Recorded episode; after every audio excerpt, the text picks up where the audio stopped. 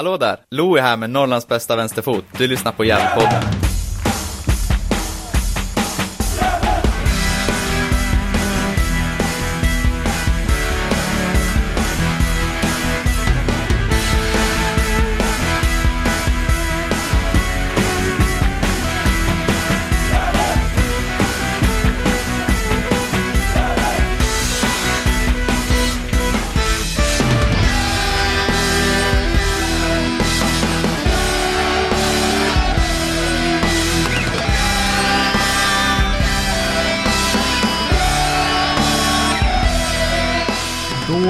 Er varmt välkomna till Gävlepodden 244.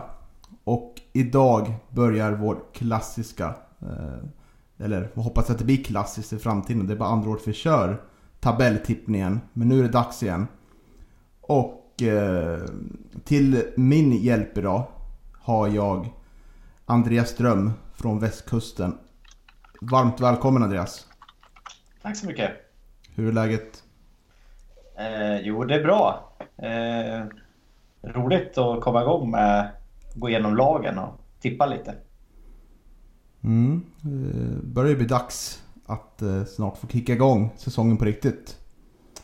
Eh, och så har vi eh, en ny bekantskap får man väl säga. Han var med oss på livesändningen här för två månader sedan. Pontus Andersson, skribent på Ettan Fotboll. Varmt välkommen. Tack så mycket. Hur mår du då? Jag mår väldigt bra. Det börjar vanka seriestart och när det här avsnittet spelas in så är det bara 23 dagar kvar till premiären så det börjar närma sig. Mm. Är du en sån som bockar av varje dag när det närmar sig? Ja, nej, inte riktigt, men man känner ju liksom att när, när under helgerna när träningsmatcher spelas liksom och intensiteten blir liksom högre och högre så känner man att det, liksom, det är snart eh, seriestart. Mm. Och eh, dagens upplägg då är att vi ska gå igenom fyra stycken lag. Och eh, det är Umeå, Piteå, Luleå och Hudiksvall. Alltså vi börjar högst upp i Sverige. Och eh, sex personer då har ju tippat den här Gävlepoddens tabell. Och det är ju jag, Niklas Backlund, Andreas Ström, Johan Norrström, Hugo Ådvall, Per Magnusson och Jimmy Morén. Och, eh, och så har vi slagit ihop det så det blir ett genomsnittlig, genomsnittlig tabell. Eh, Svårt ord. Eh, så det kommer vi prata lite om idag. Dels vår gemensamma tippning och även vad vi tror själva om lagen. Eh, Är det något mer jag behöver säga Andreas tycker du om tippningen? Nej, nu kör vi! Härligt! Och vi börjar med Umeå FC som åkte ur Superettan förra året.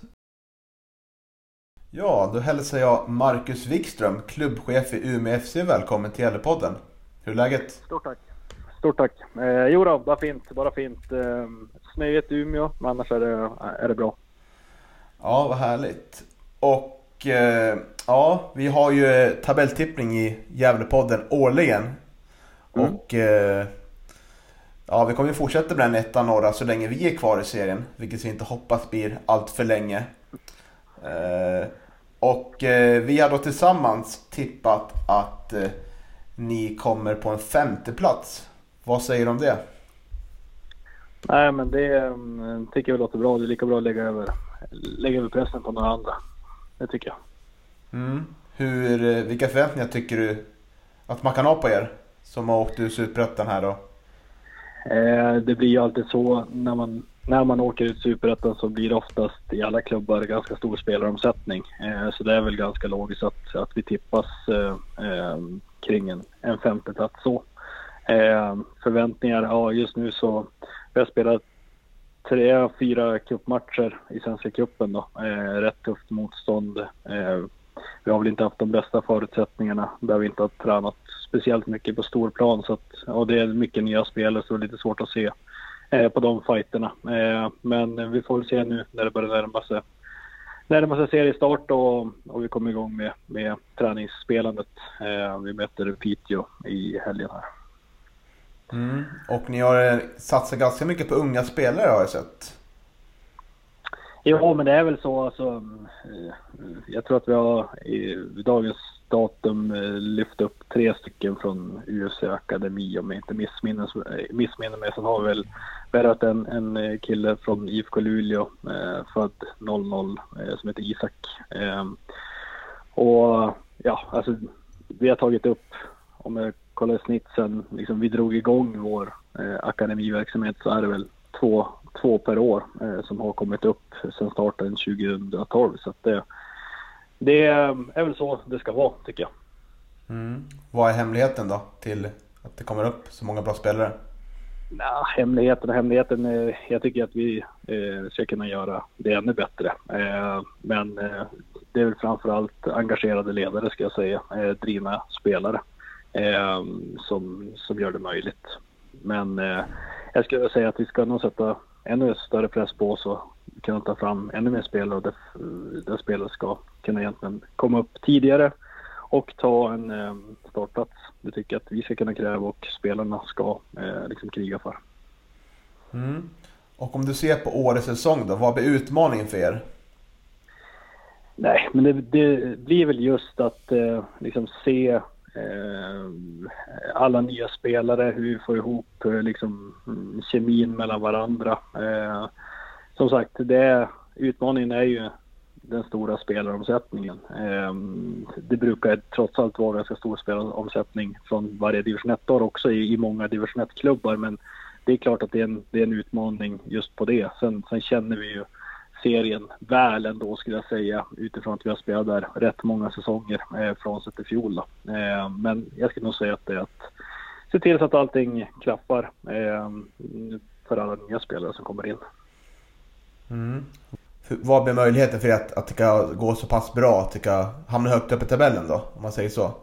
Nej, men jag, jag tycker att vi har många alltså, kvalitativa spelare. De är, det är riktigt bra spelare. Eh, och vi vet ju sedan 2019 så det året vi, vi kom tvåa och till slut gick upp då så, så hade vi extremt många. Vi byggde i princip om en hel kärna eh, som vi hade haft i x antal år. Eh, och den gången lyckades vi få ihop den här eh, liksom kemin eh, på planen. Eh, det klaffade helt enkelt. Och, eh, en förutsättning är ju att det finns kvalitativa spelare i truppen. Eh, och jag tycker att vi har minst lika kvalitativa spelare den här gången. Eh, sen som sagt så det är lite olika spelartyper och sådär. Så att det är just att få, få till den här kemin på planen. Men kvaliteten den har vi definitivt för att kunna utmana vilket lag som helst. Det är ingen snack om saken. Mm. Och vi, vi som Gävle-supportrar eh, har ju inte haft så stor erfarenhet av att spela i den här serien.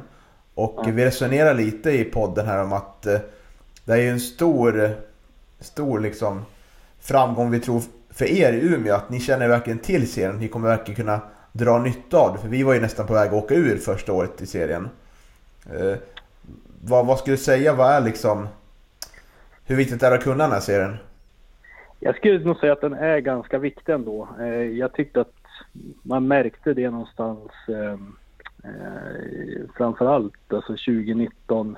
Eh, vi hade en tränare, Magnus Henriksson, som hade eh, ja, men följt oss nära. Han har eh, även varit med oss liksom, eh, under resans gång, även fast jag inte haft ett, en, en tränarroll. Så, eh, Danny Persson var ju sportchef då. Han har ju spelat x, x antal säsonger i division 1. Och jag skulle nog säga ändå att man har ju man, man, man brukar veta på förhand ungefär hur matchbilder kan se ut eh, när man möter olika lag. Eh, en, en klassisk egentligen division 1-arena eh, är, är ju Trängens IP, BK Forward. Nu spelar inte de i ettan i år då, men det, det är så här typiskt. Ja, men vi vet exakt hur den matchbilden ser ut. Utifrån det så kan man nästan plocka ut exakt de spelare man vet kommer liksom vara bra i en sån typ av match.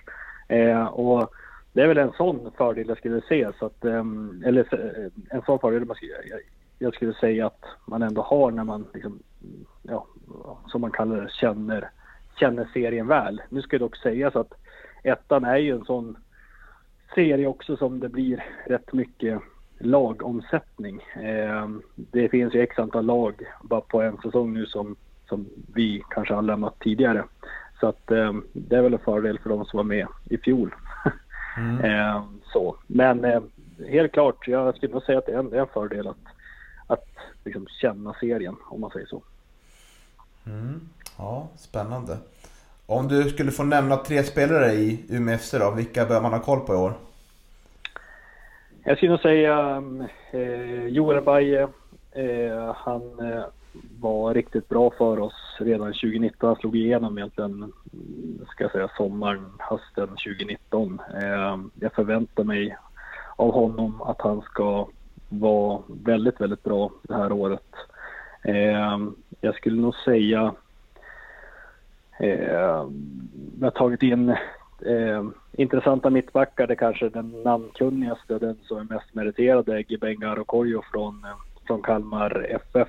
Eh, har sett bra ut på försäsongen och eh, jag tycker att han har sett eh, ja, stabil, stabil och bra ut och han har som sagt eh, rutin också från, från högre upp. Eh, sen skulle jag väl säga eh, seriens kanske stabilaste spelare i, i Jens Stigedal, vår vänsterback. Han har varit i vår förening i nio säsonger. Eh, trots allt, han är född 96 eh, och han är inte, han är inte lastgammal men ändå gjort nio säsonger också. Så att, eh, det är väl de eh, jag skulle lyfta fram lite extra så. Mm. Och hur skulle du förklara, hur vill Umeå spela fotboll? Jag skulle vilja ändå säga, eh, ja, det här är, jag skulle egentligen fråga tränaren på det här, men hur vill jag se mitt eget lag? Ja, men, mycket rörelse, gärna fint bollinnehav, men även liksom, effektiv när det väl gäller. Eh, jag gillar väl att se liksom, att vi ändå på något sätt styr matcherna. Men det får inte bli till överdrift heller, utan när man väl har läge då då ser man till att skapa en målchans och förhoppningsvis sätta en boll. Eh, men, eh, nej, men eh, ser att vi, vi styr matcher, eh, men vi ska även kunna liksom, eh, göra någonting av det, den styrningen också. Eh, ja, det är väl lite lätt sådär sammanfattat. Mm. Och om du själv ska ge på att tippa då? Ettan norra 2021, en topp tre? Ja, eh, BP ska ju jogga hem serien. Eh, det, den pressen ska de definitivt ha på sig. Jag skulle nog säga att eh, eh, Dalkurd eh, ser stark ut också. Och skulle jag nog säga, nog säga Gävle. Eh, de, jag skulle vilja sätta lite press på dem utifrån att de har faktiskt, eh, ja, de har, har fått, ja, utifrån det jag kan se, ändå behållit en, en, en kärna på något år nu eh, och det börjar bli dags att ta steget skulle jag säga innan det rasar ihop. Så att det är dags att ta det steget nu skulle jag säga för dem. Så att eh, det är väl min topp tre. Eh, BP, Dalkurd, Gävle. Mm. Vem gör mest mål av Lidberg och Englund då tror du? Eh, ja men Leo känner jag ju bra. Eh, så att jag säger ju eh, Leo, helt klart. Mm. Ja, spännande ska bli intressant att se. Ja, men stort tack för att du tog dig tid och lycka till. Ja, men du, stort tack. Eh, och jag får ge Pontus möjligheten här att börja att berätta lite om vilka viktiga nyförvärv och eh, tunga förluster klubben gjort. Yes. Nej, men om man ser till eh, Umeå och eh, Ljungskile och Dalkull som liksom tog steget ner från superettan så tycker jag väl att Umeå har landat rätt bra i, i truppmässigt. Liksom. De har ju tappat en hel del spelare. Men fortfarande har de kvar någon sorts stomme i, i truppen. Liksom. Eh, och det är ju väldigt liksom, lokala förmågor eh, och Umeå förankrat. Liksom. Eh, de har ju plockat in Linus Marklund och eh, Adam Chinuffe blir ju så här spelande sportchef. Eh, och eh, Jonathan Lundbäck som eh, var i IK Brage tidigare. Han återvände till Umeå. Eh, sen samtidigt så har man ju dess, dessvärre tappat väldigt många spelare. Eh, det ska man inte sticka under stolen med. Så det tyngsta tappet är väl eh, Dillian Ismail som går till, da, till Dalkurd och eh, Gävlebekantningen eh, Viktor Frode som gick till Brage. Och eh, samtidigt Linus Salin som gick till Gävle. Eh, men samtidigt så har man ju byggt upp truppen eh, rätt bra skulle jag säga. Det är ju liksom det är det som kommer bli liksom det Umeå kommer att stå på framöver. De har ju en trupp med hela, det är många är från, är från Umeå liksom. Och det, jag tror det är en helt rätt väg att bygga på, i alla fall på lång sikt liksom att ha, ha liksom spelare från närområdet och krydda med lite folk utifrån. Så jag tror att det är, är rätt väg att gå. Det känns som att de har väldigt stor tilltro till sin egen akademi, såg jag när jag kollade in truppen. Mm, det stämmer. De har ju flyttat upp eh, en hel del spelare som har stått på liksom, tillväxt om man, om man säger så. Eh, och den här gången så, det som, är, det som jag tycker är intressant med Umeå är liksom att de har satsat på de här yngre målvakterna. Eh, I år så har de ju Måns Ny, Nygren och Albin Svensson och de är väl runt 20-årsåldern liksom. Och ska man vara ett topplag i ettan så vill man ju hellre ha liksom mer äldre och rutinerade målvakter som har den erfarenheten. Eh, men de eh, ger den här målvaktsduon eh, tid att växa liksom. Så det ska bli väldigt intressant att se liksom hur, hur de kommer att stå sig. Mm. Och du ska få tippa tabellen, men jag tycker vi vänder blicken till Andreas först där. Vad, vad säger du Andreas om Umeå FC 2021? Jag tror jag tippar dem ganska högt. Alltså, frågan är, jag tycker att det är, det är en ganska stor omsättning av, av, spelare, precis som Pontus är inne på här. Um, och, och det kanske får mig att tveka lite uh, att de ska vara med högst upp. Men äh, jag, jag, tycker, jag tycker ändå att, jag menar han har, vad jag räknar till, åtta spelare kvar som har erfarenhet av Superettan. Och uh, man har ju fått in några eh, nyförvärv där. Sen kan jag väl säga att eh, Frodiga är ju inte heller så gammal som målvakt som han hade som första målvakt i Superettan förra året. Så att, eh, ja, det finns frågetecken men jag tycker att det är intressant eh, truppbygge. Mm, kan jag meddela att du har tippat dem som trea? Eh. Precis, det var de eller Dalkurd jag funderade på. Men eh, ja, äh, kanske lite högt men, men ja, som sagt var, man har kvar en stomme av av erfarna spelare. Så att... mm, och du har ju sett dem en del på försäsongen, Pontus va?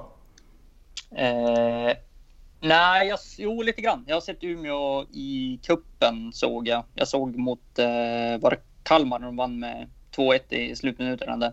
Mm. Ehm, men det är också så här, man ska ju veta att Umeå på för, Umeå försäsongsträning, liksom, eller försäsong, liksom, det klingar inte riktigt det är inte, de matchar inte med varandra. Ehm, det är, det är dåliga träningsmöjligheter under vintertid i Umeå. Ehm, de har ju liksom ingen fullstor inomhushall liksom, som i Luleå liksom, som de kan träna på. Så de har ju tränat liksom, i, tror jag, jag tror jag, nio manna tror jag. De har kunnat träna på under vintern innan eh, deras eh, arena öppnar liksom, för, vinter, eller för träning liksom, utomhus.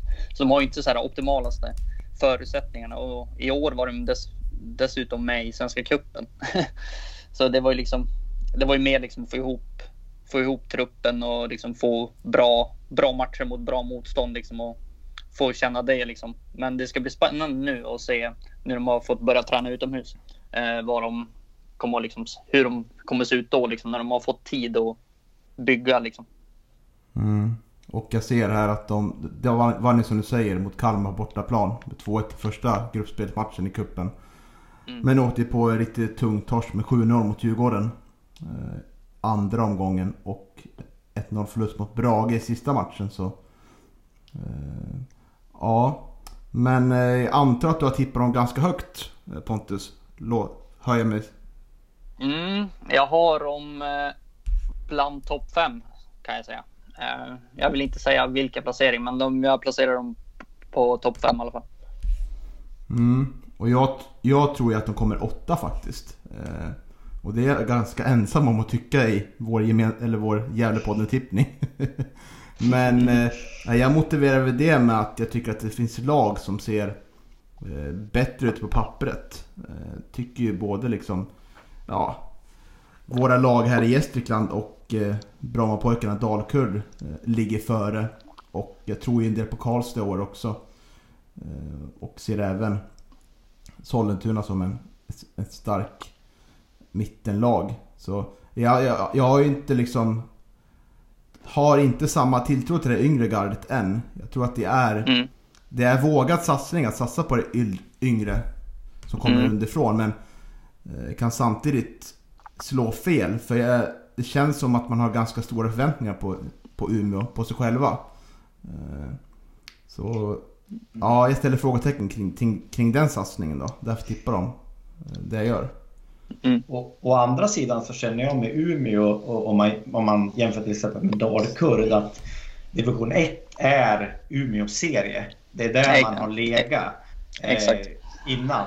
Och, och superettan är liksom en bonus för dem. Vilket jag då tror in, att det inte blir samma eh, som för Frej förra året eller, eller liksom Åtvidaberg i södra serien. Att man, man, jag tror inte man faller igenom lika stort eh, för mm. att det är ett normaltillstånd för, för Umeå att ligga i division 1. Eh, mm. Men det är min känsla och därför tippar jag dem mm. som Pontus topp 5 eller 3. Då.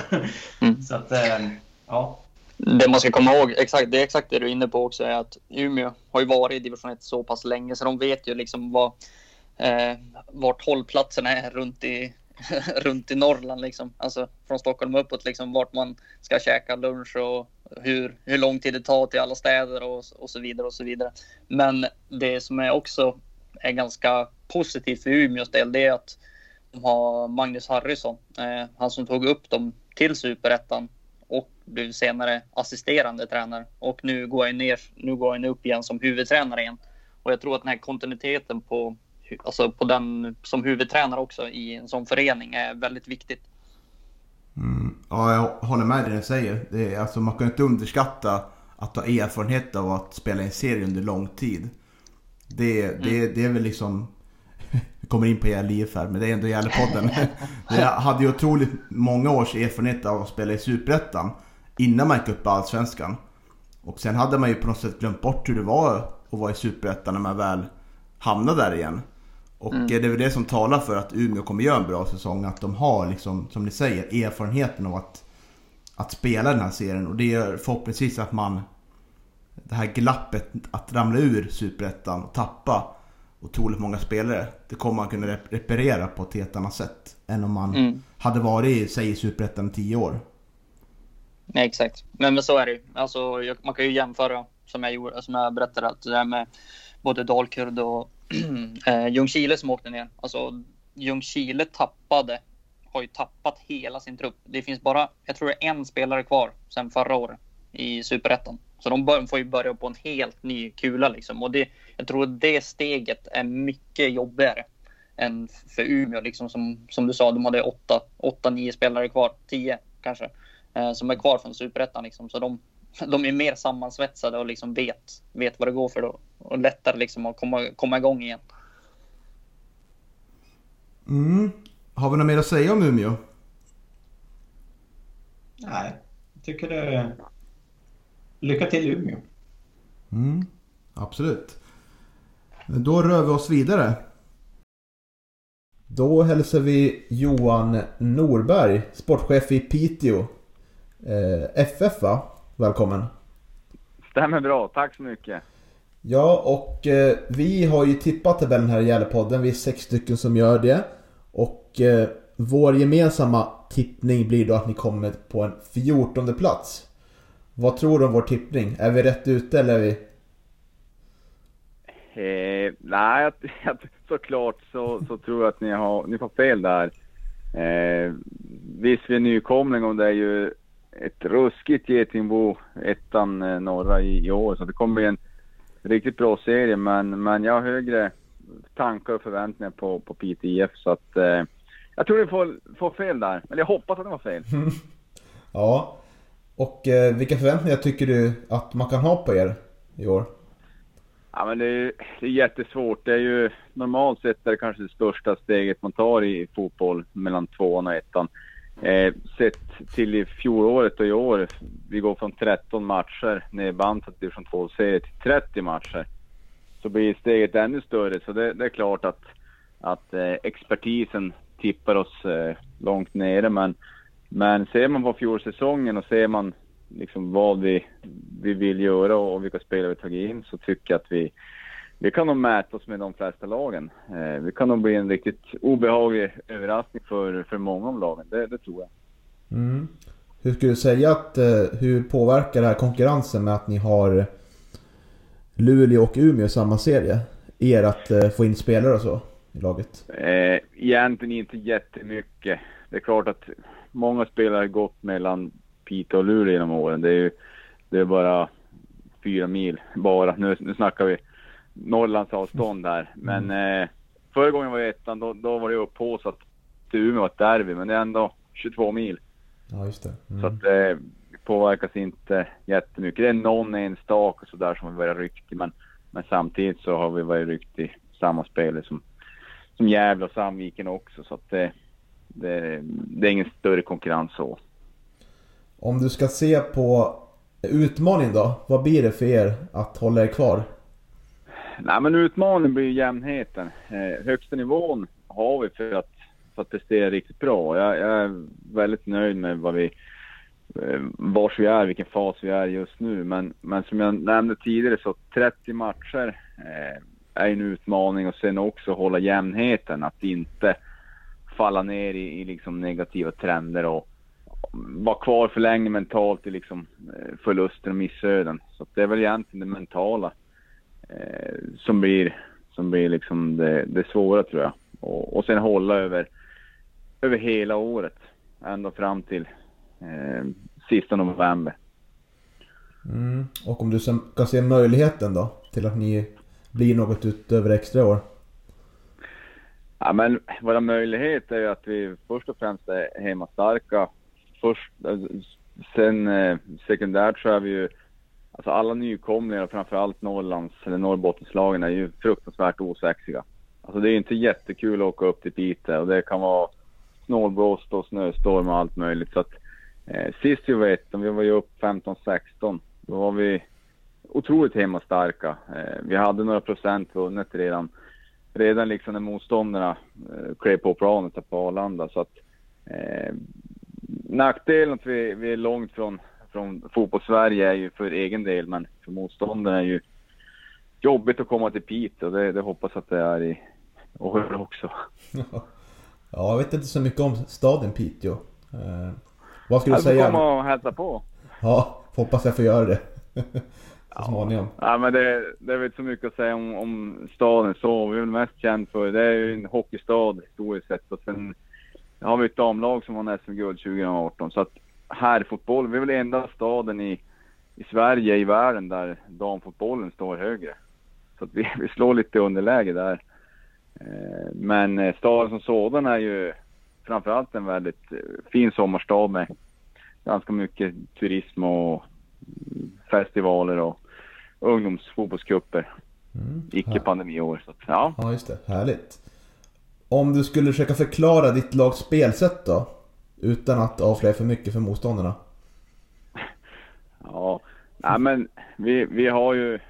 Naturligtvis ska vi prestera där vi är, men vi har ju en ganska genomarbetad plan vad vi vill stå för, både rekryteringsmässigt och spelmässigt. Så att oavsett serietillhörighet så har vi en grundplan. Givetvis måste man kanske anpassa eh, vilka man möter, om det är hemma och borta sådär. Men vi vill, vi vill spela fotboll och det säger vi såklart alla i den här serien. Men, men eh, vi vill verkligen utveckla våra, våra spelare och, och vårt spel och vill spela bollen genom lagdelar. Eh, vi vill vara kreativa, vi vill gärna ta initiativ.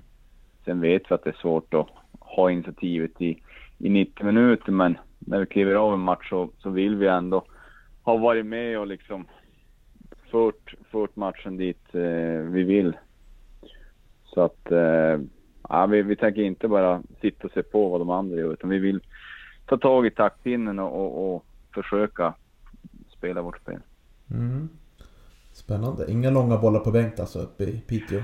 Nej, så är det. Sen kommer vi säkert hamna i perioder där vi måste spela längre och vi, vi har jobbat med, ett, med vårt djupledsspel. Det var någonting som kanske var en svaghet i fjol. Det blev lite tråkigare än sådär. Så att, så att nu, nu vi försöker utveckla vårt djupledsspel och väl fått in spelare som bidrar till det, men, men kanske inte vårt primära sätt att anfalla.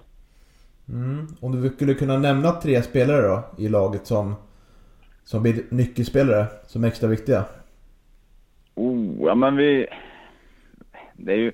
Vår, våran styrka är ju jämnheten, att vi, vi har ju... Eh, vi är ganska både homogent och, och ganska jämnt lag. Hård konkurrens. Men vi har ju nu senast fick vi en hemvändare, eh, eller vi har två, vi har tre stycken hemvändare som, alltså Peter-spelare som kom hem och det är Johan Hedström, Gustav Mukvalin och Henrik Milbert. Milbert eh, har spelat med IK Frej i Superettan. Så de tror jag kommer bli jätteviktiga. Sen eh, har vi en eh, forward från IFK Haninge, Pashang Abdullah som kommer bidra mycket för oss. Så har han gjort på försäsongen med sin styrka och sin liksom, arbetskapacitet. Mm, just det. Ja, han gjorde mycket mål för något år sedan. Ja, eh, han var Karlberg där öste in 26 på 24 matcher, men det var ju två. Mm. Sen var han i Haninge i fjol med, hade väl lite skador och sådär. Sen hade en viss Koffi som gick före. Han var ju halvhyfsad han också. Ja, helt okej. Helt okej. Ja, spännande. Eh, som avslutande fråga då, hur, vad tror du om topp tre för ettan norra 2021? Vilka lag tror du blir där uppe och tampas? Mm. Ja, det, den är faktiskt riktigt, riktigt svår. Normalt sett så är det ett eller två lag som, som jag tror kan segla iväg ordentligt, eller brukar vara så. Men BP såklart. De har ju, jag såg de här mot IFK Luleå, de har ju en spetsig offensiv. Lite mindre kladda, lite rakare. Eh, Så att de, de blir ju farliga och har gjort kanonvärvningar. Sen tror jag alla på Dalkurd, men jag är inte så jäkla säker. Jag tror de kan bli lite för spretiga över 30 matcher, men eh, eh, Sandviken ser jättebra ut. Inte bara för att de nu råkar vinna över, över Giffarna, men, men de tror det är bra. Sen är frågan, får, får Gävle behålla Lidberg eller hinner han säljas? Ja, det är den stora frågan. Kanske kommer ett monsterbud från Pite. Ja, vi har dåligt, dåligt med monsterbud. Men eh, Lidberg Englund är ju i mina ögon en, en superettan-duo. Så att eh, Gävle kan nog få ett riktigt intressant år. Då säger jag BP Sandviken Gävle. Mm, spännande. Ja men ja, grymt. Fina derbyn. Ja, absolut. Då tackar jag dig Johan för att du ville vara med i podden. Ja, men tack själv. Och då hamnar vi i Piteå.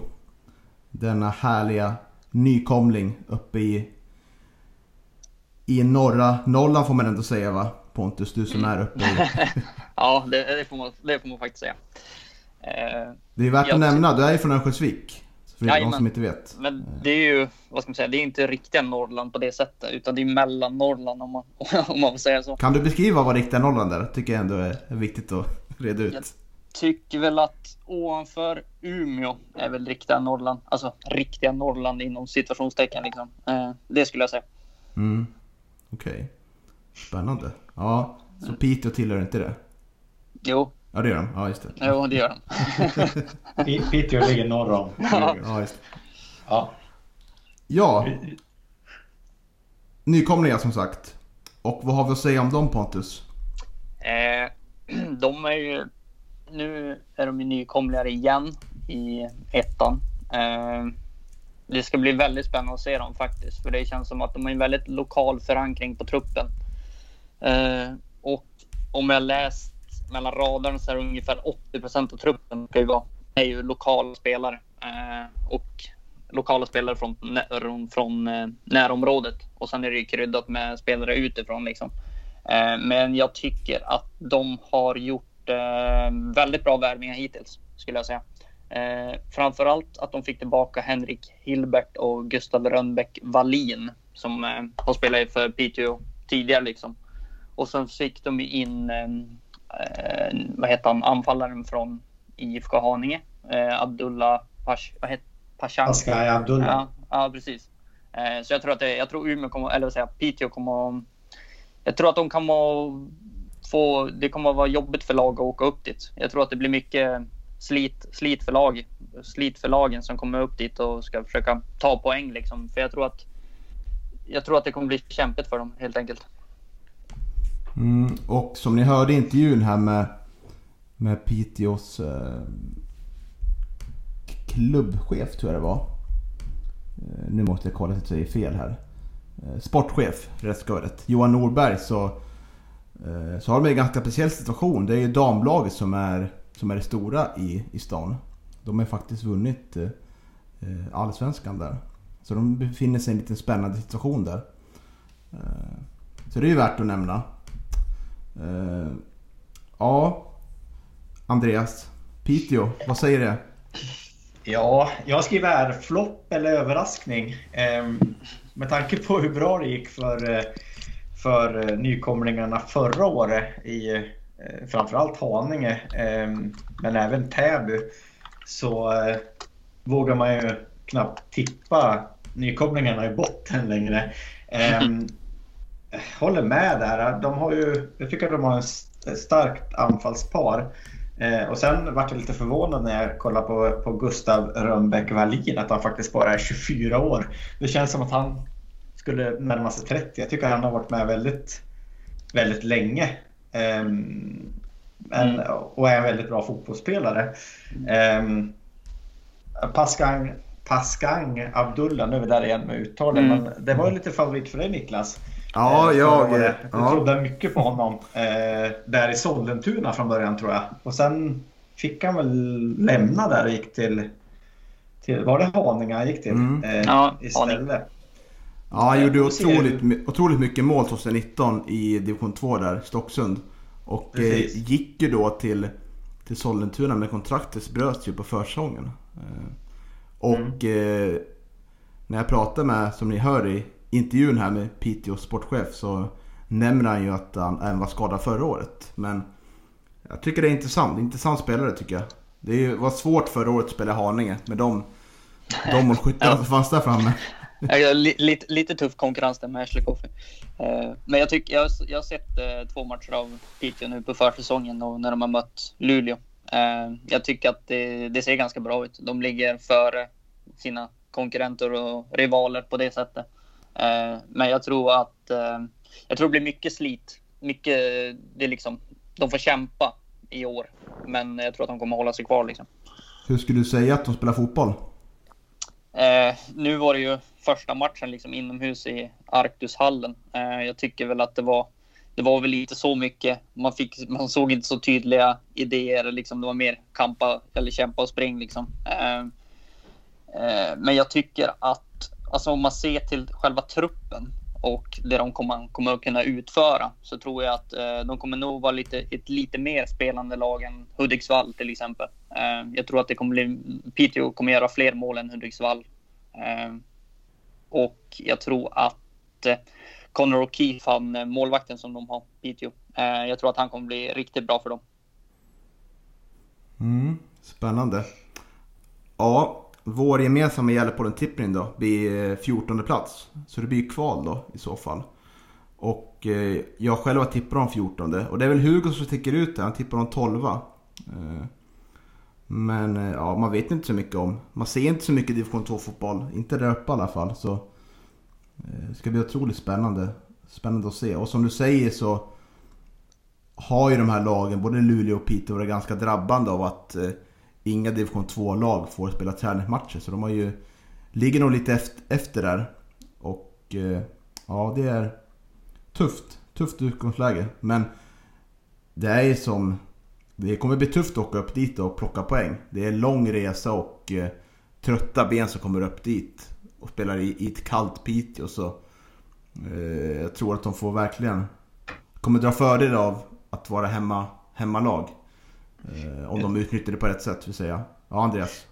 Jag, jag, tycker det är lite roligt det där, för att jag brukar alltid dra bandyreferenser. Jag ska göra det nu igen nu, eftersom jag kommer från Bollnäs från början. Men det är som Kalix har ju alltid varit eh, uppe i elitserien och alla andra lag har liksom suckat och stått och åka upp till Kalix. Allting är så jobbigt. Och så tänker man så här, så fort Kalix ska spela en match borta så behöver de liksom åka 100 mil. Jag tror att eh, då på den tiden var det väl Ljusdal som var närmast bortamatch för Kalix. Liksom. Så jag tycker att den där jämförelsen är lite roligt att alla andra tycker det är så jobbigt att åka till de här klubbarna. Men de själva är ju tvungna att åka jättelångt hela tiden förutom när de möter varandra. Då. Så att, eh, ja, jag tycker att det är lite sådär eh, lite roligt att man, man, man säger så. Man tänker aldrig på, på Piteå och Luleå hur långt de behöver åka. Liksom. Mm. Men det är ju lite, det är lite närmare för Piteå och Luleå i år. Alltså själva i ettan norra. den sträcker sig inte lika långt ner som förra säsongen, liksom, ner till eh, Kalmar med IFK Berga där. Så det är lite, Nej, men det var ju lite, speciellt. lite, ja, lite, lite, lite skönare avstånd i år, måste jag säga. Ja, det är väl Örebro eller? Som det är väl Örebro Syrianska eller? Som är, ja Silvia kanske. Sylvia, tror Ja, jag, är lite ja. längre. Precis. Men eh, det är ju en bit ändå. Ja, så är det. Men samtidigt, det är ju, det är ju skönt när man gör de här kustresorna. Det är ju, hur många lag är det längs kusten? Umeå, Hudiksvall va? ja, ja Umeå, Hudiksvall, Gävle, Sandviken indirekt. Så det är ju det är lite bra avstånd liksom i år i ettan norra. För, norr, för de här Norrlandslagen om man säger så. Mm. All Det, right. det måste ju en, ändå vara en över 70 mil från, från Luleå och ner till Gävle. Och så vet jag inte hur långt det är mellan Luleå och Piteå, men det är väl 10 till eller? Så att, Kan, kan vara. ja, så äh, det är jävla avstånd i alla fall. Det är det Mm. för dem. Så att, ja, Då känner vi oss ganska nöjda med Piteå, känner jag. Så vi drar oss vidare. Då säger vi varmt välkommen till Andreas Eriksson, klubbchef IFK Luleå. Stort välkommen. Tackar, tackar. Tackar, tackar. Hur är läget där uppe? Ja, men det, är- det är bra tycker jag. Vi har, eh, förra veckan så klarade vi precis av vårt årsmöte och det är alltid lite speciellt i de här tiderna men det känns bra förutsättningsmässigt. Där. Ekon- ekonomin är, är god i föreningen för första gången på över 40 år kan vi visa upp ett, ett eget positivt kapital. Så det känns jättebra. Sen är det ju som för alla andra idrottsföreningar tuffa tider nu med pandemi och så vidare. Så Eh, man får ju rätta mun efter matsäcken och sådär. Men det är, det är ovisst. Framförallt när det gäller olika samarbetspartner och så vidare som, som vill avvakta lite grann och sådär innan, innan de kan ge besked. Framförallt vissa branscher har, ju- har ju drabbats väldigt tufft. Sen om jag går in fot, mer fotbollsmässigt så har det varit lite ja, men till och från där hur man, hur man har kunnat träna utifrån restriktionerna. Men vi, vi har kunnat köra på bra tycker jag. Vi, vi startade upp vår vinterträning 11 januari och vi har eh, ja, men, kunnat köra på efter det hyfsat bra i alla fall. Vi, vi hade två, två avbrott här i vår träning på grund av för mycket snö på vår Arkushall här som vi har i stan. Det är ju en full stor plan med konstgräs och löparbanor utanför så vi har bra förutsättningar annars. Men vi fick två kortare break på, på grund av att snön var tvungen att avlägsnas från taket. Sen när det gäller träningsmatcher så har vi fått lida lite grann genom att vi har exempelvis haft två matcher inbokade mot Bodens BK och Skellefteå FF. Då blir vi inställda när inte de, när de tillhör division 2 och inte får, får spela träningsmatcher. Så att, och det är inte helt lätt att locka upp ett annat motstånd till Luleå. Även att vi har försökt deala med lag och Hudiksvall till exempel och sagt att vi tar halva kostnaden om vi kommer upp. Men det har inte riktigt stämt i deras schema och så vidare. Så vi har ju lite, vi har ju geografin emot oss där lite grann. Mm, absolut. Ja, jag läste det på er hemsida där om att eh, positiva kapitalet. Hur har ni arbetat för att få fram det? Ja, men man, man- man ska inte hymla om att eh, statliga stödet från RF och från eh, Luleå kommun har ju hjälpt oss. Sen har ju vi vridit och vänt på alla kostnader. Alltså jag började min tjänst 1 augusti som klubbchef och i princip då drog vi i handbromsen med och signalerade otrolig kostnad, kostnadsmedvetenhet inom hela föreningen. Så att alla inköp skulle gå via mig så att vi, vi försökte hålla igen på det vi kunde utan att det drabbade kärnverksamheten allt för hårt. Sen så får vi tacka våran herrtrupp. Riktigt stort tack till dem för att de avstod två månadslöner under, under fjolåret. Så att det är väl där vi kan förklara att vi gjorde så pass bra resultat trots de tuffa tiderna. Så ja, men det, det är väl, det är väl, det är väl grund, grundförklaringen. Ja, då kommer ni komma in med den här säsongen i en sammansvetsad trupp och organisation känns det som va?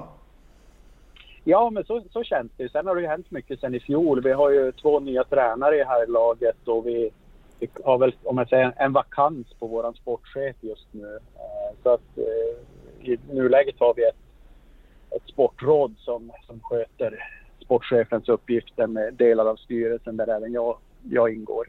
Christer Andersson är ordförande och sammankallande och kontaktperson i Sportrådet. Mm, spännande tider. Mm, ja, nej, men det, det är en del nytt. Så det, det, det, det, blir spännande. Mm. Och vi i Gällepodden kör ju nu en tradition att tippa ettan norra. Så länge vi är i divisionen då i Gävle. Vilket förhoppningsvis inte är så länge. Men eh, mm. Och eh, tillsammans har vi då kommit fram till att eh, vi tror att ni kommer på trettonde plats. Och eh, ja. vad tror du om det? Är vi rätt ute? Ja, ja men alltså vi har väl sagt att målsättningen i fjol, den var ju solklar att klara sig kvar i ettan i och med att vi var nykomlingar i fjol. Eh, I år har vi sagt att vi vill etablera oss som ett stabilt ettanlag. Och IFK Luleås motto i allt vi gör, det är att vara lite bättre än igår. Så att utifrån att vi kom tia i fjol så skulle jag väl säga något pinnhål högre. Det är väl där vi siktar i alla fall. Får vi se vart vi landar. Mm. Vad tror du är utmaningen för, för er år? Sätter den målsättningen? Ja, men det är ju, ja, men det är ju mycket som ska sätta sig. Alltså, det är ju som jag säger, vi, har, vi ligger någon träningsmatch kort. Vi har fått offra lite krut. Alltså, vi ska ju ner och möta Gävle nu till helgen och vi ska ner och möta BP för att kunna få kvalitativa träningsmatcher. Och, jag menar, BP åkte på en ordentlig käftsmäll. De hade spikad trupp och spelar många fler träningsmatcher än oss och ligger just nu långt före. Det, det, det känner vi. Och, kan tänka mig att, att det blir även en tuff utmaning att, att ta sig an Gävle på söndag. Så att, eh, utifrån det plus att vi har en hel del nya spelare plus två nya tränare så, så, så tror jag vi, vi har en resa att göra under säsongen. Om du skulle se för möjligheten för er då? Vad, skulle säga, vad, vad ligger i styrka i? Ja, men vi, dels tycker jag våra två nya tränare är väldigt trygga i den spelidé och det, det spelsätt de vill ha. Och nu har vi lyft många yngre spelare som en av huvudtränarna, Andreas Johansson, han var ju tidigare akademichef och känner de här yngre killarna som kommer från våra spelningslag väl. De är väl inskolade i det här. Sen är det ju kanske tufft att tro att de sex ska komma in och vara bärande spelare i ettan redan i år. Men, men, men, men jag, jag tycker vi, vi pratar om att vi har en blå tråd inom föreningen och jag, jag, jag tror att inom, inom närtid så kommer vi se att det, att det resultat, ger resultat. Mm. Och eh, om du kan förklara spelsättet då? Försöker du på det? Hur vill Luleå spela fotboll? Ja, men vi, vi, vi spelar ju passningsorienterat och eh, vi vill, vi kan väl säga i anfallsspelet spelar vi, spelar vi med ett 3-5-2 och i försvarsspel med ett klassiskt 4-4-2. Rullar mycket boll och, och vill på så sätt skapa numerära överlägen och, och hitta ytor centralt framför allt och, och ta oss in i, i från spelyta 1 till spelyta 2 och vidare i spelyta 3 och sen Sen är det ju den så kallade golden zone de flesta målen görs så att det gäller att komma in med kvalit kvalitativa passningar in i den ytan och ha, ha folk som är, är beredda att offra sig där. Mm. Och om du skulle nämna tre nyckelspelare i laget då? Vilka bör man ha koll på när man kollar på Luleå? Nu, våran trupp är ju tyvärr inte spikad än av, av, av olika anledningar. Så att eh, vi, vi, Fyra spelare till ska vi ha, ha in, in innan serien startar. Det, det är solklart. Sen drabbades tyvärr en av våra tilltänkta nyckelspelare, Alex Briljante de Sosa, av en korsbandsskada här förra veckan och missar hela säsongen. Så lite grann utifrån hur det blir med han så kanske det även kommer in en femte spelare då. Eh, vi, vi håller just nu på med dialog med, med Alex och hans agent där om, om vi kan hitta någon lösning. För han, han har bara nio månader kvar på sitt kontrakt och, och mm. läkarteamet har bedömt att han är tio, 10 till 12 månader ifrån spel. Så att utifrån det så kan det hända att det kommer in. Så att det, det är många spelare på, på gång in och som det är nu, det är vi inte ute efter någon bredd utan det ska vara, det är fem, fyra eller fem startspelare som ska in. Mm. Eh, men eh, William Olausson som faktiskt vann våran eh, interna skytteliga i fjol på åtta mål vill jag minnas att det var. Det är ju högklassspelare mittback måste jag väl nämna. Han är tillika lagkapten. Sen eh, Mamadou Kouyaté, eh, etablerad, gjorde en väldigt bra säsong innan han kom till oss med Boden.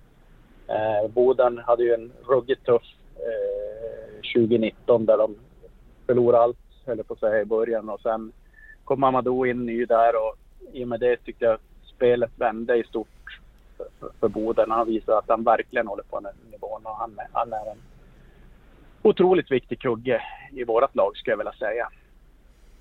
Eh, ska jag säga en tredje just nu så kanske jag skulle vilja nämna Assam Yasin. Rivig forward som, som också gjorde rätt mycket mål i fjol. Har tagit väldigt, eh, utvecklats väldigt mycket. Kom från Notviken, en grannförening här i stan och spelade division 2 tidigare. Så att, han visar, tycker jag, under fjolåret att han är att räkna med i, i ettan också. Mm, spännande. Och om du vill passa på att tippa lite själv då. Vad skulle du säga topp tre, ettan norra 2021? Jag har ju sett BP, jag var själv nere på Grimsta. Eh, så att de tror jag definitivt kommer hamna där. Jag tycker Gävle spelar ju väldigt fin fotboll redan i fjol och vet ju att man har spetsat i år. Exempelvis med Leo Englund som kommer uppifrån våra breddgrader här och han har ju visat tidigare att han, han, han kommer garanterat göra en hel del mål i år. Så att jag tror Gävle blir att räkna med. Eh, ska jag säga en tredje så måste jag säga Umeå FC. Eh, såg bland annat deras match i Svenska cupen borta mot Kalmar. Tyckte de imponerade oerhört. Så eh, det blir väl min topp trio i nuläget i alla fall. Mm. Ja, det blir en otroligt tight serie tror jag. Absolut. Flera utmanare där. Dalkurd, Sandviken. Eh, Haninge tycker jag spelar positivt i fjol också. Mm. Ja, det, det, det är ovisst. Svårtippat. Mm. Då vill jag tacka dig Andreas för att du var med i podden. Otroligt kul att prata ja, med dig. Men, känns jättekul. Det var poddebut för mig. Jag, jag lyssnar själv mycket på poddar men har aldrig varit med tidigare. Så det kändes, kändes kanonkul. Och jag vill passa på att rikta lycka till till Gävle IF en extra spark i baken till lagkaptenen Sebbe Sanden som kommer från, från vår förening. Så att eh, stort lycka till till Gävle IF och, och Sebbe framför allt. Och så om, ni, om de hör det så vill jag även rikta en hälsning till mina före detta kollegor på Gästriklands fotbollsförbund med Anders Nordén i spetsen. Och då hamnar vi i Luleå. Luleå som eh, hade en tuff vår förra säsongen. Eller sommar blev det väl, vad jag kommer ihåg. Men avslutade ganska bra. Eh, hur har deras eh, silly season sett ut Pontus? Ja, det har ju hänt en hel del. Både, både bland spelarna och i, eh, men på ledarsidan också. Eh, eh, och truppen är väl inte egentligen riktigt satt. Så vi får väl se vad, vad de hittar på. Det känns som att de behöver ersätta en hel del eh, på en, eller behöver ersätta en hel del spelare som lämnat. Samtidigt så måste det krydda truppen liksom. Eh, då, de tappar ju Sebastian Wigebäck där och Isak Abrahamsson eh, både till Umeå och Sandviken. Och det var ju de två, två, båda de två hade ju jättemycket speltid förra säsongen i för Luleå. Så det är lite kämpigt. Eh, samtidigt så Ja, de har inte, alltså, de har inte gjort så jättemånga nyförvärv. Eller de har inte plockat in så många nyförvärv. Eh, det starkaste kortet hittills är väl Jonathan Wikström från Boden. Eh, som jag tror kommer bli, han kommer bli bra igen. Eller kommer bli bra då. Men eh, utåt sett liksom tappat, tappat många spelare och det här Sirius-lånen har ju återvänt också med Joakim Persson och Isak Bråholm där. Och eh, Patrik Koposo har ju gått tillbaka till eh, Östersund igen. Så de har ju tappat många, men de har inte fyllt på riktigt än så länge. Och det har ju säkert att göra med att, eh, att, sport, att sportchefen avgick där. Så det kommer ju nog hända en hel del i Luleå innan, innan seriepremiären. Mm, har ju en otroligt stark mittback i William Olausson tycker jag. Ja, Eh, han, han blir ju en nyckelspelare i år igen. Han vann väl den interna skytteligan eh, förra säsongen som mittback med eh, åtta mål och det är ju, det är ju starkt för mittback liksom. Eh, jag vet inte om det fanns någon målfarligare mittback i, för hela ettan förra säsongen. Jag kommer inte på någon på rak, arm, rak arm i alla fall. Det är väl Gävlekänning på honom va, Niklas? Mm. Pappa Mats, Mats Olausson har ju spelat i Gävle IF på 80-talet. Mm. Tror jag. Precis. Jag tror han sitter i styrelsen nu såg jag också. Eh, om det är samma Mats Olausson. Så det, det gillar vi ju. Um, Ja, och Ar Arish Nouri är ju kvar. Eh, jag intervjuade han förra året. Han var ju väldigt trevlig. Så jag vart lite... eh, Jag tyckte det var roligt med Luleå. ja norrlänningar är trevliga överlag. Det vet vi ju sen gammalt. Ja, precis. Men annars rent truppmässigt, alltså de är ju, du vet Alex eh, Briljante, brasilianaren där. Eh, han vart ju korsbandsskadad nu så han kommer ju, blir tvungen att ersättas framåt och det är ju en av deras bästa spelare. Eh, så det ska bli vä- väldigt spännande att se hur de kommer ersätta honom. Eh, Fan, ja. Fantastiskt För- namn också. ja, jag vet, inte, jag vet inte riktigt om jag uttalar det rätt heller, men jag tror att det uttalas så. Det, det, det lät bra. Ja, det är positivt. Ja. Jakob eh, Johansson Inga är kvar också. Det är väl Boden-produkt från början. Eh, vänsterbacken där. Lite Mm. erfaren. Ja, Mm. Vad tror du Andreas? jag vet inte. Jag, jag, gillar ju Luleå så jag vet inte om jag tippar med, med hjärtat här. Men eh, jag tänker liksom att de har, de har ett år nu i ettan och att de har fått lite erfarenhet och så. Eh, å andra sidan så, som, eh, så var det ju en del framträdande spelare som var på lån i, i Luleå förra säsongen och plus att man har blivit av med några nyckelspelare. Och så, eh, det blir ju botten, bottenstrid, det, det tror jag ju, eh, i år eh, igen. Eh, sen tror jag väl att de kanske klarar sig då, men eh, ja, det kommer vara jämnt i botten som vi pratade om innan. Mm. Och du tippar ju dem 12 eh, Värt att nämna. Eh, Jag tippar dem 11. Eh, Jag, tipp, jag tror att de har ganska fin kollektiv styrka i laget. Och Eh, tror att den fortsätter nästa år. Även fast det kommer vara otroligt tight där nere i botten. Otroligt många lag som kan vara inblandade. Eh, men jag tror att de löser det ändå. Och... Eh, mm. Men det kommer bli tight, absolut. Ja, i, i år, ja det känns faktiskt som så. Eh, både, både i toppen och i botten så känns det som att det kommer bli eh, tight, väldigt tight. Eh, likt förra säsongen. I, då var det ju väldigt, vad var det, två, hur många var lag var det som var inblandade? Fyra, fem som var inblandade där i, i slutet. Eh, så det känns som att det kan bli en sån typ av säsongsavslutning igen, liksom att där är många lag är indragna. Mm. Och eh, ser på deras hemsida att de kan möta Piteå två gånger till innan, innan säsongen börjar. Det, Ja, det, är, det är som du var inne på, det är lite otacksamt för de norrländska lagen när de har så pass långa avstånd. Liksom. Eh, samtidigt som de inte får möta division 2-motstånd. Så det är ju inte så optimalt. nej, är verkligen en utmaning. Eh, men de har ju som du säger en otroligt fin inomhushall där. Eh, som de kommer dra nytta av så här på försäsongen tror jag. Som eh, kommer bli viktig tror jag. När väl säsongen eh, drar igång. Hade man inte haft det så ja, hade det varit ännu tuffare än, än vad det är nu tror jag. Helt klart. Ja, och vi tippar ju dem eh, på hela podden här som 13 plats då.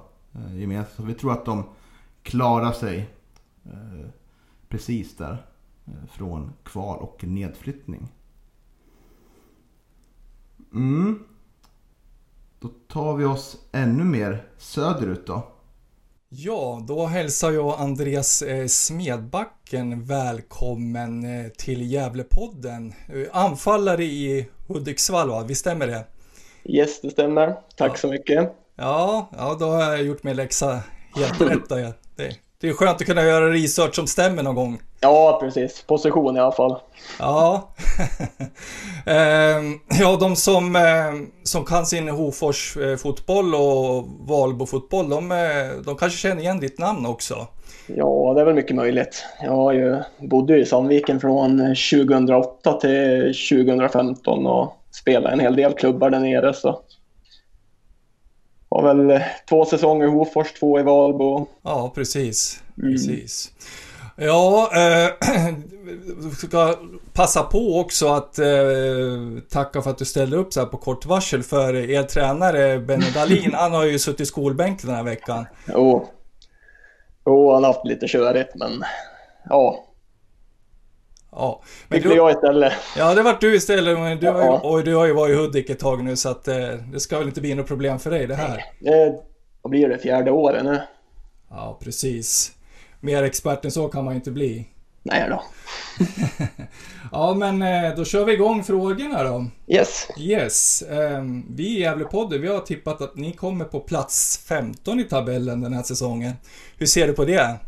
Ja, eh, som tips så är det väl, det är väl helt logiskt egentligen att bli tippad på nedflyttning när man är som nykomling, men eh, jag både tror och hoppas att vi kommer överraska ändå. Mm. Ja, men det... Eh, ja, det, de som tippar kommer nog ha oss i botten, de flesta. Ja. Jag är inte, ja, jag är inte värvat så mycket och vi är nykomling och det är många som inte har sån koll på oss heller tror jag. Nej, exakt. Vet du, det som talar för er är att vi i Gävlepodden är så jäkla usla på vet du, tippa ja, också. Så att... ni brukar inte ha så många rätt. Ni. Nej, vi brukar ju inte det. uh, men vilka förväntningar tycker du att uh, Hudiksvalls supportrar ska ha på er den här säsongen då? Ja, alltså tabellmässigt är det svårt att sätta några förväntningar ändå, men eh, jag tänker mer så att eh, ja, vi ska försöka vara jobbiga att möta för alla lagen och eh, motståndarna ska vara bra för att kunna slå oss. Vi ska ju eh, gå ut och springa, vinna dueller, kriga för skölden. Vi ska alltid, alltid kunna vara nöjd med insatsen. Sen ska motståndarlaget behöva vara bra för att slå oss. Mm. Det är väl det man kan ha som förväntning. Sen eh, tabell och sånt där, det är jättesvårt.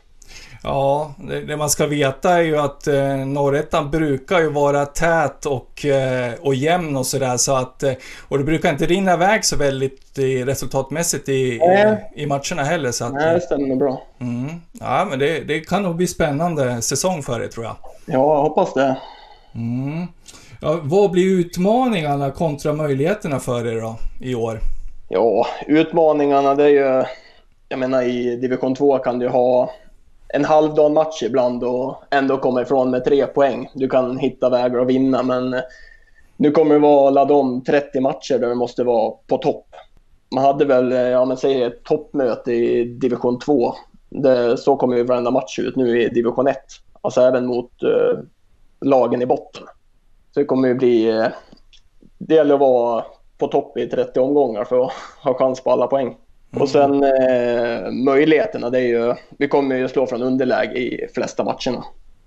Vi kommer nog inte vara favorittippade i många matcher nu. Det blir, blir det klassiska allt att vinna och inget att förlora. Ja men det är ju lite så ändå. Det, som jag sa, vi kommer alltid vara nederlagstippade om jag får gissa. Så kommer vi slå från underläge hela tiden. Mm. Och det kan, jag tror det kan passa oss bra. Vi har ju, jag menar Hudiksvall har varit eh, ett topplag i division 2 i många år nu och alltid haft pressen på sig att vinna. De hade väl någon, eh, ja men något år där de hade någon hemmastreak på hur många matcher som helst. Där de bara vann och vann och vann. Så jag menar, de har alltid haft pressen på sig i den här stan och ska alltid vara ett topplag. Det är en fjärde, femte plats har varit ett fiasko. Mm. Så nu, eh, nu blir det ett helt annat läge för oss. Mm ja, många av eh, lag som kommer från tvåan överraskar ju oftast i, i ettan också. Så att, eh. Ja, förra året, jag menar Täby var ju ett stabilt mittenlag och gjorde vi inte några jättevärvningar innan de gick upp. Mm, samma spelsätt och ja, de gjorde det bra. Mm. Och IFK Haninge. Haninge, precis. Mm. Och de hamnar ju på över halvan till och med. Ja, så det, ni hoppas att göra något liknande då helt enkelt? Inte prata någonting om några tabellpositioner eller så utan vi, vi kommer veta vad vi ska göra och sen hoppas vi att det räcker så långt som möjligt. Ja. Eh, om vi ska nämna tre spelare i Hudiksvall då, som vi, du tycker att vi ska hålla lite extra koll på? Mm. Eh, ja, en av dem, han är ju inte riktigt klar för oss än, men eh, Kian Sener skulle jag säga. Han är väl kontraktslös just nu, men har ju hört till oss. Men han är ju, när han är som bäst så är han på en helt egen nivå, sina bästa dagar. Det, han tar sig ur alla situationer med boll och fysiskt stark och har utvecklat ett eh, spelsinne nu senaste åren. Sen skulle jag säga Keon King som var forward tidigare och eh, blev omskolad som eh, central mittfältare förra säsongen. Och han är ju en kvick spelare som tar bollen framåt, jätteduktig i defensiva omställningarna med sin snabbhet och eh, har en jättebra passningsfot. Och sen tredje jag säga är en ny spelare år från eh, GIF Sundsvall U19, en mittback som heter Oskar Wallin. Och eh, en, han spelar till höger i en trebackslinje och eh, ganska offensiv mittback. Tar gärna bollen framåt och hittar öppnande passningar och även ibland så kommer han på egna genombrott. Mm. Det är de tre jag skulle nämna nu. Mm, intressant. Sen får vi se, får vi se hur det blir med Kian senare också. Men... Ja. Ja, senare har vi, har vi ju sett i, i Gävle då han spelade i GIF Sundsvall. Eh, ja, precis. Mm, intressant eh, mm. kille, ser giftig ut tycker jag. Ja, han är jätteduktig. Mm. Eh, sista frågan då, hur ser du eh, Nej, det är näst sista frågan, förlåt. Ja. Hur skulle du förklara Hudiksvalls spelsätt? Ja, då vill man ju inte gå in på någon detaljnivå. nu. Jo tack, nu vill jag höra detaljerna här. Nej, men vi har ett väldigt blandat spelsätt. Vi har, vi har alltid en väldigt utstakad matchplan till matcherna. Men eh, vi är väldigt eh, duktiga på att justera under matcher vad vi behöver göra. Vi är, känns som vi är väldigt flexibla och eh, vi har både plan A, plan B, plan C. Vi är, jag tycker att vi är bekväma i många olika spelsätt. Vi kan, eh, vi kan vara spelförande lag, där vi är bekväm. Vi kan även eh, gå ner i ett lägre positionsförsvar och eh, ja, hålla motståndarna utanför och känna oss jättebekväm. Så eh, är väldigt blandat. Mm, mm. Intressant. Ja, nu sista frågan då i alla fall. Yes. yes. Om du skulle våga dig på eh, och tippa en topp tre i ettan norra 2021 eh, då, hur, hur ser det ut då? ja, när, när vi faktiskt diskuterat lite, eller man har ju pratat om det med kompisar och så. Många säger ju ganska lika. Och eh, på första plats skulle jag ta Brommapojkarna. Det Eh, någon i det här laget som inte har allsvenskan eller superettan-rutin. Jag tror inte det. Och eh, ja, jag tror de kommer... De var ju nära förra säsongen. Jag tror i år kommer de springa hem det. Sen tror jag att eh, Dalkurd kommer på andra plats. Jag har sett, eh, sett en del matcher nu när de spelar Svenska Kuppen och det är mycket, de har mycket individuell skicklighet på många positioner. Eh, ganska fartfyllt lag. Jag tror de kommer vara med i toppen där och slåss om första och andra. Och sen eh, trea, säger väl Gävle IF där då. Mm. Ja, det var ju snyggt. ja, ja, BP, Dalkurd, Gävle och Sandviken tror jag kommer vara de fyra första. Men eh, Gävle har man ju plockat in, eh, plockat in lite spets nu och även behållit så eh, det är en väldigt bra bredd i truppen. Det känns som de har råd att få några avbräck och ändå kunna ställa en eh, bra elva på plan. Jag tänker det är ändå 30 matcher och du behöver ha, du kommer alltid tappa någon spelare då och då. Mm. Ja, och sen är du bekant med Mikael Bengtsson också som Ja, precis. Vi hade han 2018 i Hudik. Mm. Ja, ja, det var ju nästan eh, liknande min eh, topp tre. Bara det att jag hade vänt på Sandviken och Gävle. Eh, ja, du hade Sandviken trea. Jajamensan. Mm. Mm. Ja, ja det känns som det är de lagen som kommer sticka ut i toppen. Mm. Ja, det återstår ju att se. Det är som sagt, eh, det är... Eh, ettan norra är ju ett getingbo, brukar vara ett getingbo. Så att... Ja, det är det. Mm. Ja, men då tackar jag dig Andreas så hemskt mycket för att du ställde upp. Tack så jättemycket. Du får ha det så gott. Detsamma. Och då kommer vi till Hudiksvall. Ytterligare en nykomling. Eh, ja, vi har ju sett Hudiksvall spela mot Gävle IF i år. Och eh, ja, det var väl som Gävle IFs tränare Mikael Bengtsson sa efteråt att det var försvar, försvar, försvar. Skulle du säga att eh, det är så de kommer spela i år, Pontus? Ja, det, det var ganska tydligt och det var ganska tydligt att se liksom var, vart fokuset låg. Liksom. Men jag tror att det kan vara med den truppen och spelarna de har så tror jag att det kan vara rätt melodi. Liksom. Eh, och när de mötte Gävle nu senast så det är ju ett, ett, typ av motstånd som de kommer möta ganska ofta tror jag. Alltså eh, någon som kontrollerar bollinnehavet medan liksom, Hudiksvall ligger på rätt sida och, och gör de här snabba omställningarna. Liksom. Eh, men jag tror att det också, som jag var inne på tidigare med de andra lagen också, det är, det är en trupp som, där spelarna är från liksom, närområdet. Eh, och det tror jag, jag tror att det är en rätt väg att gå, men samtidigt vågad. Eh, för man måste verkligen krydda med spelare utifrån som är de här som har den extra, den extra växeln liksom och göra de här poängen. Men det, för Hudiksvalls del så är det ju väldigt positivt att eh, positivt eller negativt. Alltså det är positivt för Hudiksvall men kanske negativt för honom. Jag tänkte på Sian Senner där, att han blir kvar för Hudiksvall. Han var ju på provspel i Sundsvall och jag tror att det är en spelare som mm, betyder väldigt mycket för Hudiksvall. I, framförallt i truppen men också ute på planen rent spelmässigt. Han bidrar ju mycket och han gjorde väl mål också. Senast mot Gävle. Eh, mm. Så jag tror att det är en sån spelare som, som kommer nog att eh, plockas upp beroende på hur det, hur det blir, hur det går för Hudiksvall i år. Eh, det är ju en spännande spelartyp och jag gillar vad jag, jag har sett honom tidigare men jag tycker att han har tagit steg på slutet liksom som att han har det lilla extra. Ja, man såg ju i matchen mot Gävle att de skapade inte mycket chanser. Men när de väl fick in bollen så var han ju där. Så han har ju verkligen ett, ett sinne för mål får man ändå säga. Mm. Och sen har han han har ju tekniken, snabbheten och allting liksom. Och jag tror att jag såg eh, mm, träningsmatchen mot mellan Sundsvall och Gävle. Då var han ju i Sundsvall. Och jag tror att det steget från vad ska jag säga, division 2 till superettan är lite för högt direkt liksom.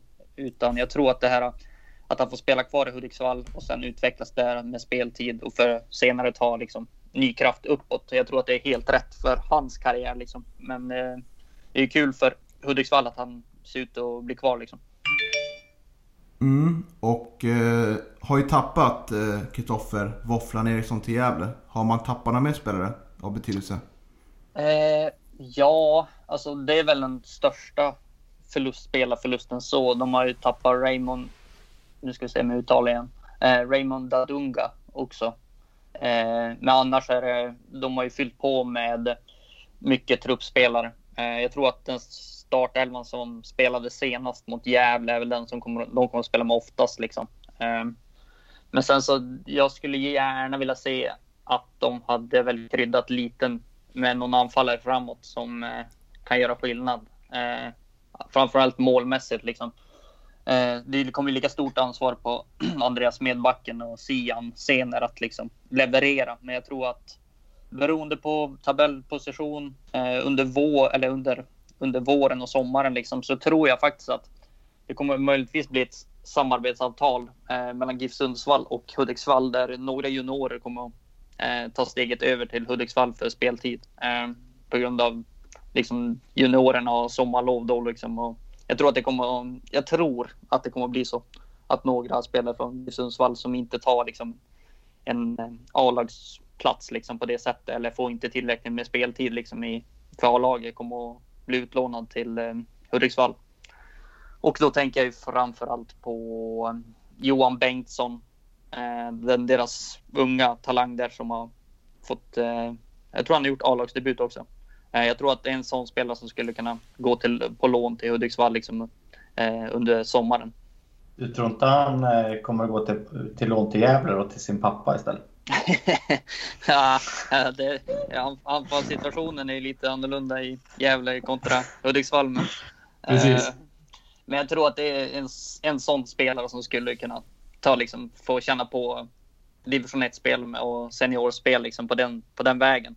Eh, mm jag tänker likadant ungefär som Luleå gjorde med Sirius förra året med Joakim Persson och Isak Broholm. Alltså en typ av sån lösning. Mm. Eh, jag vet inte, men eh, har de inte värvat en, eh, en mittback från GIF Sundsvall? Eh, Är det han Oskar Wallin eller? Oskar, jo, och stämmer. Jo, Oskar Wallin är det. Ja. De har ju plockat två ja. eller två eller en. Två, jag tror det är två spelare från GIF Sundsvall okay. också. Vet, vet du någonting om dem? Liksom? De ska väl täcka upp för våfflan då? Som... Mm. Nej, jag har faktiskt ingen aning. Jag, jag, så, jag, så, jag känner inte igen deras namn heller. Men det får, det får de visa på planen när man ser dem. Liksom. Ja, jag tycker Andreas Smedbacken är lite rolig för att eh, vi har haft lite kontakt med honom i, i podden innan och sådär. Då var det så här, ska du inte gå högre? Nej, jag är för gammal, sa han. Nu spelar han i division 1 som är samma som i Gävle. Så att, eh, ja, en late, en late bloomer. Ja, precis. precis. Ja, har ju spelat i Valbo också, så han har ju lite rötter här i Gästrikland. Ja. Han är väl Mas från början. Han är från Dalarna, tror jag. Mm, okay. eh, från mm. början. Eh, ja, innan du ska få prata lite om vad du tror Andreas, eh, tänkte jag. Det låter mm. på dig Pontus som att du tror att de klarar sig ändå. Eh, nej, jag tror att de kommer få det kämpigt i år. Eh, jag tror att själva, alltså de, vad ska jag säga, truppen. Många av spelarna har spelat division 2 tidigare. Eh, det är inte så många som har spelat division 1 eller högre upp. Eh, så jag tror att de kommer få lite kämpigt. Eh, men det gäller ju också, likt alla andra lag i serien, det, allt handlar om att få en bra start och liksom att det rullar på. Eh, men jag tror att de kommer få det kämpigt i år. Mm. Och eh, den i Gävlepoddens panel som har tippat dem högst, det är ju Andreas Ström på 13 plats. Eh, så nu vill jag höra ja, Andreas. Precis. Äh, det är lite med hjärtat också eftersom jag är, jag är från Hälsingland. Men eh, jag tycker att eh, jag tycker att de har en bra tränare i Hudiksvall. Ehm, jag tycker att de, eh, de har behållit eh, det mesta av, av truppen så att de, de har en bra eh, kontinuitet. Ehm, håller med Pontus att det kanske skulle behövt in någon mer spetsspelare men jag tror ändå att man kan kriga till sig en del poäng. Ehm, så att ja, lite med hjärtat men jag tycker kanske att det finns tre lag som, som är sämre än Hudik. Mm. Så jag har väl, jag har väl eh, satt dem på kvalplats va? Tror jag. Mm, 13. 13. Mm. Mm. Eh. För övrigt har ju Hudiksvall, eh, en spelare där har ju bästa spelarnamnet i hela fotbollssverige. Mm, låt höra. Ki Kion King. ja, ja det, är, det är snyggt. Ja, det får man faktiskt säga. Tycker ändå att eh, Briljant är lite bättre ändå. Ja den, ja, den är faktiskt samma klass. Briljant. Men det är det kanske. Ja, ja, jag tror ju att Hudiksvall får det väldigt svårt i år. Jag tror att de kommer sist. Och eh, av det lilla jag sett så tycker jag väl inte att de... Jag tycker det kan bli en stor, det blir en stor utmaning att se vad de gör när de spelar det här spelet. Och eh, de tappar in en boll där bakåt. Eh, hur, vilka redskap de har för att eh, vända en matchbild då. Eh, jag tycker att det är lite svajigt där och eh, många frågetecken. Och eh, håller med Pontus som man säger att eh, likväl som vi pratade om Umeå tidigare att de har en stor erfarenhet av att ligga i division 1 så har ju inte Hudiksvall det. Och eh, det kan bli en tuff resa tror jag. Även om det finns möjlighet att klara sig kvar med spelet de spelar men Nej, jag ställer mig mycket tveksam till Hudiksvall 2021. Ja, nej men man, man kan väl säga att de, jag tror att Hudiksvall har haft det här som en målbild i ganska många år eh, och ta sig upp eh, till division 1. Eh, så att eh, ja, det kanske kommer in något eh, förvärv här och sen tyckte jag att det var intressant det Pontus sa om att de kanske lånar från, från GIF Sundsvall också, att det kommer in eh, juniorer därifrån då. Eh, mm. Men eh, ja, det är ju det är ett bottenlag det här också som kommer att få med och, och kämpa med, med Luleå och Piteå där nere. Så står vi där i omgång 27 och de ligger på femte plats. Precis. Och Smedbacken har gjort 25 mål. ja, det finns ju en plats. Vi tippar väl Haninge ganska långt ner förra året då. Eh, ja. Se vad som händer där. Och Sollentuna också. Mm. Men sen, sen om, om vi ska återvända till den matchen, alltså Gävle-Hudiksvall här på försäsongen så, så är det väl kanske mer Gävles eh, oförmåga att göra, sätta chanserna än, än eh, Hudiks briljans i, i eh, defensiven som gör att det bara blir, blir 2-1 eh, vinst där. Så att eh, de har lite att jobba på Hudik.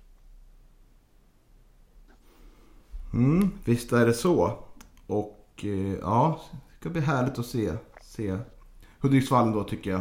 Får väl hoppas att man får åka upp och se de här lagen på plats. Alla fyra lagen är ganska härliga städer tycker jag ändå. Eh, så det har vi något att se fram emot.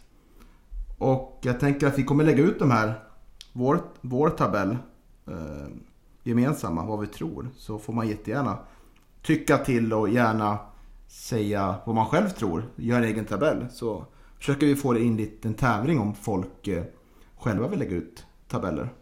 Om det finns intresse vill säga. Alright, ska vi avrunda dagens inspelning tycker ni? Yes.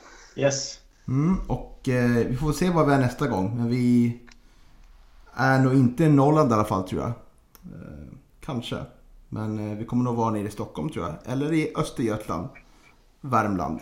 Eh, det finns också många trevliga lag där. Även fast vi har nog avhandlat det bästa av Sverige nu va? Eller hur Pontus? ja, det skulle jag säga. I alla fall det, det är jag som är, det är, jag är bekant med. På den jag vägen. håller med.